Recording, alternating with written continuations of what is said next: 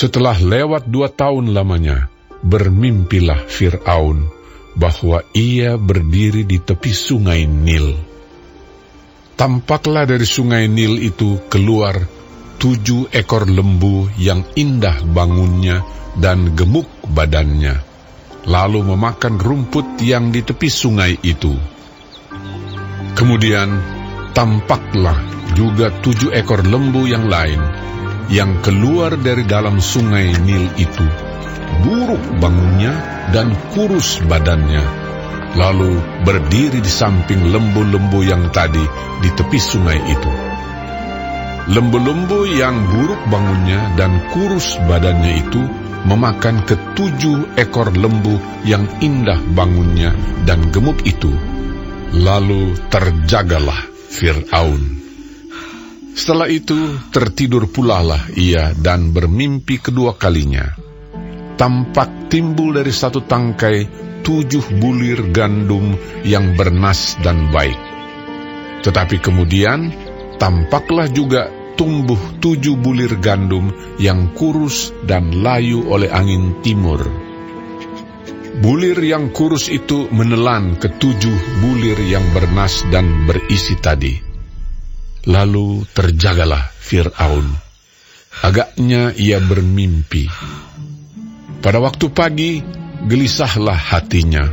Lalu disuruhnyalah memanggil semua ahli dan semua orang berilmu di Mesir.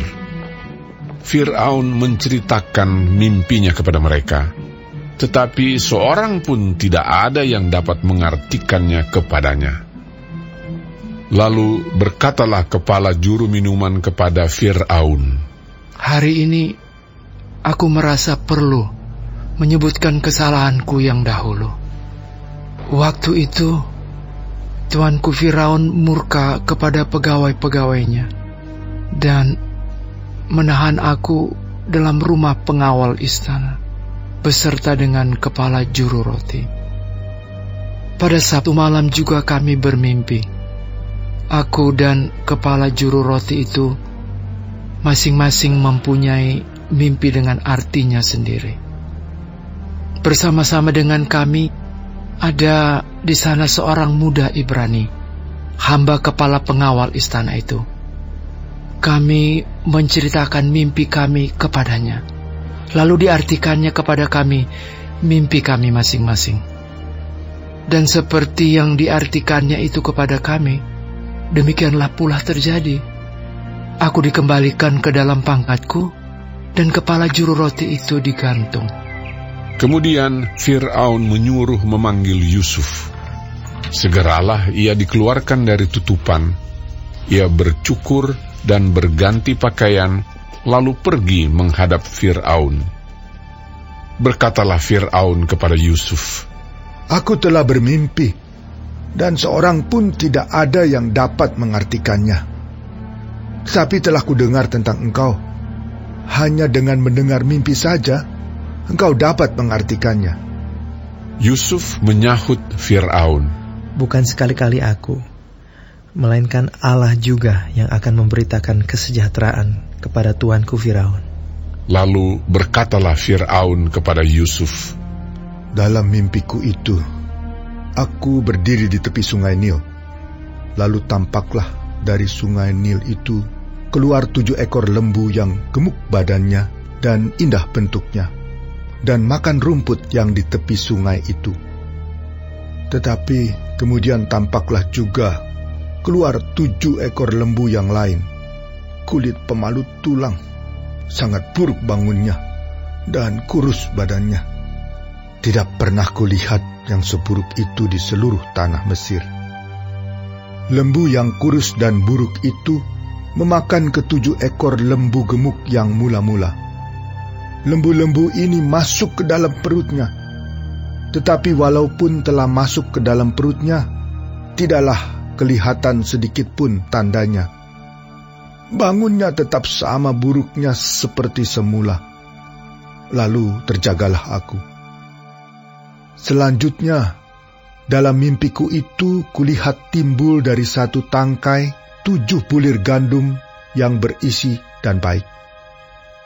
Tetapi kemudian tampaklah juga tumbuh tujuh bulir yang kering, kurus dan layu oleh angin timur. Bulir yang kurus itu memakan ketujuh bulir yang baik tadi. Telah kuceritakan hal ini kepada semua ahli, tetapi seorang pun tidak ada yang dapat menerangkannya kepadaku. Lalu kata Yusuf kepada Fir'aun, Kedua mimpi tuanku Firaun itu sama.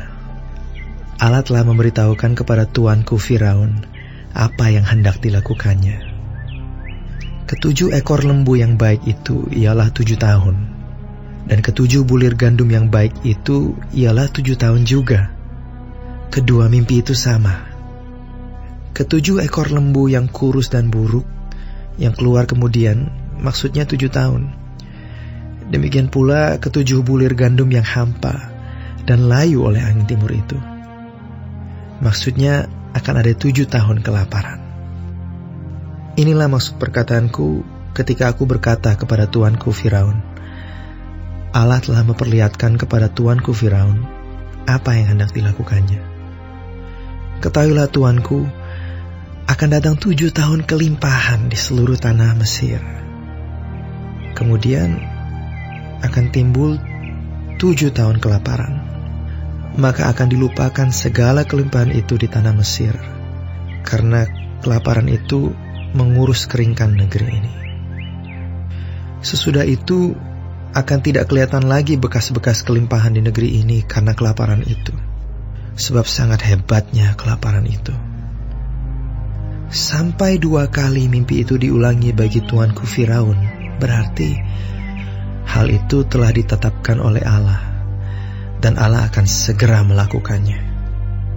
Oleh sebab itu, baiklah tuanku Firaun mencari seorang yang berakal budi dan bijaksana, dan mengangkatnya menjadi kuasa atas tanah Mesir. Baiklah juga tuanku Firaun berbuat begini, yakni menempatkan penilik-penilik atas negeri ini, dan dalam ketujuh tahun kelimpahan itu memungut seperlima dari hasil tanah Mesir mereka harus mengumpulkan segala bahan makanan dalam tahun-tahun baik yang akan datang ini. Dan di bawah kuasa tuanku Firaun, menimbun gandum di kota-kota sebagai bahan makanan, serta menyimpannya.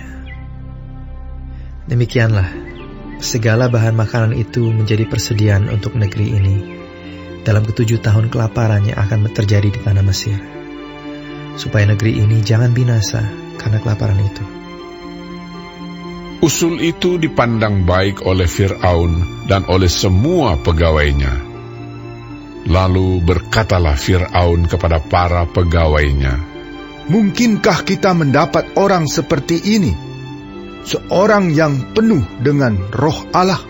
Kata Fir'aun kepada Yusuf, Oleh karena Allah telah memberitahukan semuanya ini kepadamu, Tidaklah ada orang yang demikian berakal budi dan bijaksana seperti engkau. Engkaulah menjadi kuasa atas istanaku, dan kepada perintahmu seluruh rakyatku akan taat. Hanya tahta inilah kelebihanku daripadamu. Selanjutnya Fir'aun berkata kepada Yusuf, Dengan ini, aku melantik engkau menjadi kuasa atas seluruh tanah Mesir. Sesudah itu, Fir'aun menanggalkan cincin meterainya dari jarinya dan mengenakannya pada jari Yusuf. Dipakaikannya lah kepada Yusuf pakaian daripada kain halus dan digantungkannya kalung emas pada lehernya. Lalu Fir'aun menyuruh menaikkan Yusuf dalam keretanya yang kedua, dan berserulah orang di hadapan Yusuf. Hormat! Demikianlah Yusuf dilantik oleh Fir'aun menjadi kuasa atas seluruh tanah Mesir. Berkatalah Fir'aun kepada Yusuf, Akulah Fir'aun, tetapi dengan tidak setaumu, seorang pun tidak boleh bergerak di seluruh tanah Mesir. Lalu Fir'aun menamai Yusuf Zalfnat Paaneah, serta memberikan Asnat, anak Potifera, imam di On, kepadanya menjadi istrinya. Demikianlah Yusuf muncul sebagai kuasa atas seluruh tanah Mesir. Yusuf berumur 30 tahun ketika ia menghadap Fir'aun, Raja Mesir itu. Maka pergilah Yusuf dari depan Fir'aun, lalu dikelilinginya seluruh tanah Mesir. Tanah itu mengeluarkan hasil bertumpuk-tumpuk dalam ketujuh tahun kelimpahan itu. Maka Yusuf mengumpulkan segala bahan makanan ketujuh tahun kelimpahan yang ada di tanah Mesir, lalu disimpannya di kota-kota, hasil daerah sekitar tiap-tiap kota disimpan di dalam kota itu. Demikianlah Yusuf menimbun gandum seperti pasir di laut, sangat banyak sehingga orang berhenti menghitungnya karena memang tidak terhitung. Sebelum datang tahun kelaparan itu, lahirlah bagi Yusuf dua orang anak laki-laki yang dilahirkan oleh Asnat, anak Potifera, imam di On. Yusuf memberi nama Manasye kepada anak sulungnya itu sebab katanya, Allah telah membuat aku lupa sama sekali kepada kesukaranku dan kepada rumah bapakku. Dan kepada anaknya yang kedua diberinya nama Efraim, sebab katanya, Allah membuat aku mendapat anak dalam negeri kesengsaraanku. Setelah lewat ketujuh tahun kelimpahan yang ada di tanah Mesir itu, mulailah datang tujuh tahun kelaparan, seperti yang telah dikatakan Yusuf. Dalam segala negeri ada kelaparan, tetapi di seluruh negeri Mesir ada roti. Ketika seluruh negeri Mesir menderita kelaparan, dan rakyat berteriak meminta roti kepada Fir'aun, berkatalah Fir'aun kepada semua orang Mesir, Pergilah kepada Yusuf, perbuatlah apa yang akan dikatakannya kepadamu. Kelaparan itu merajalela di seluruh bumi. Maka Yusuf membuka segala lumbung dan menjual gandum kepada orang Mesir, sebab makin hebat kelaparan itu di tanah Mesir. Juga dari seluruh bumi datanglah orang ke Mesir untuk membeli gandum dari Yusuf, sebab hebat kelaparan itu di seluruh bumi.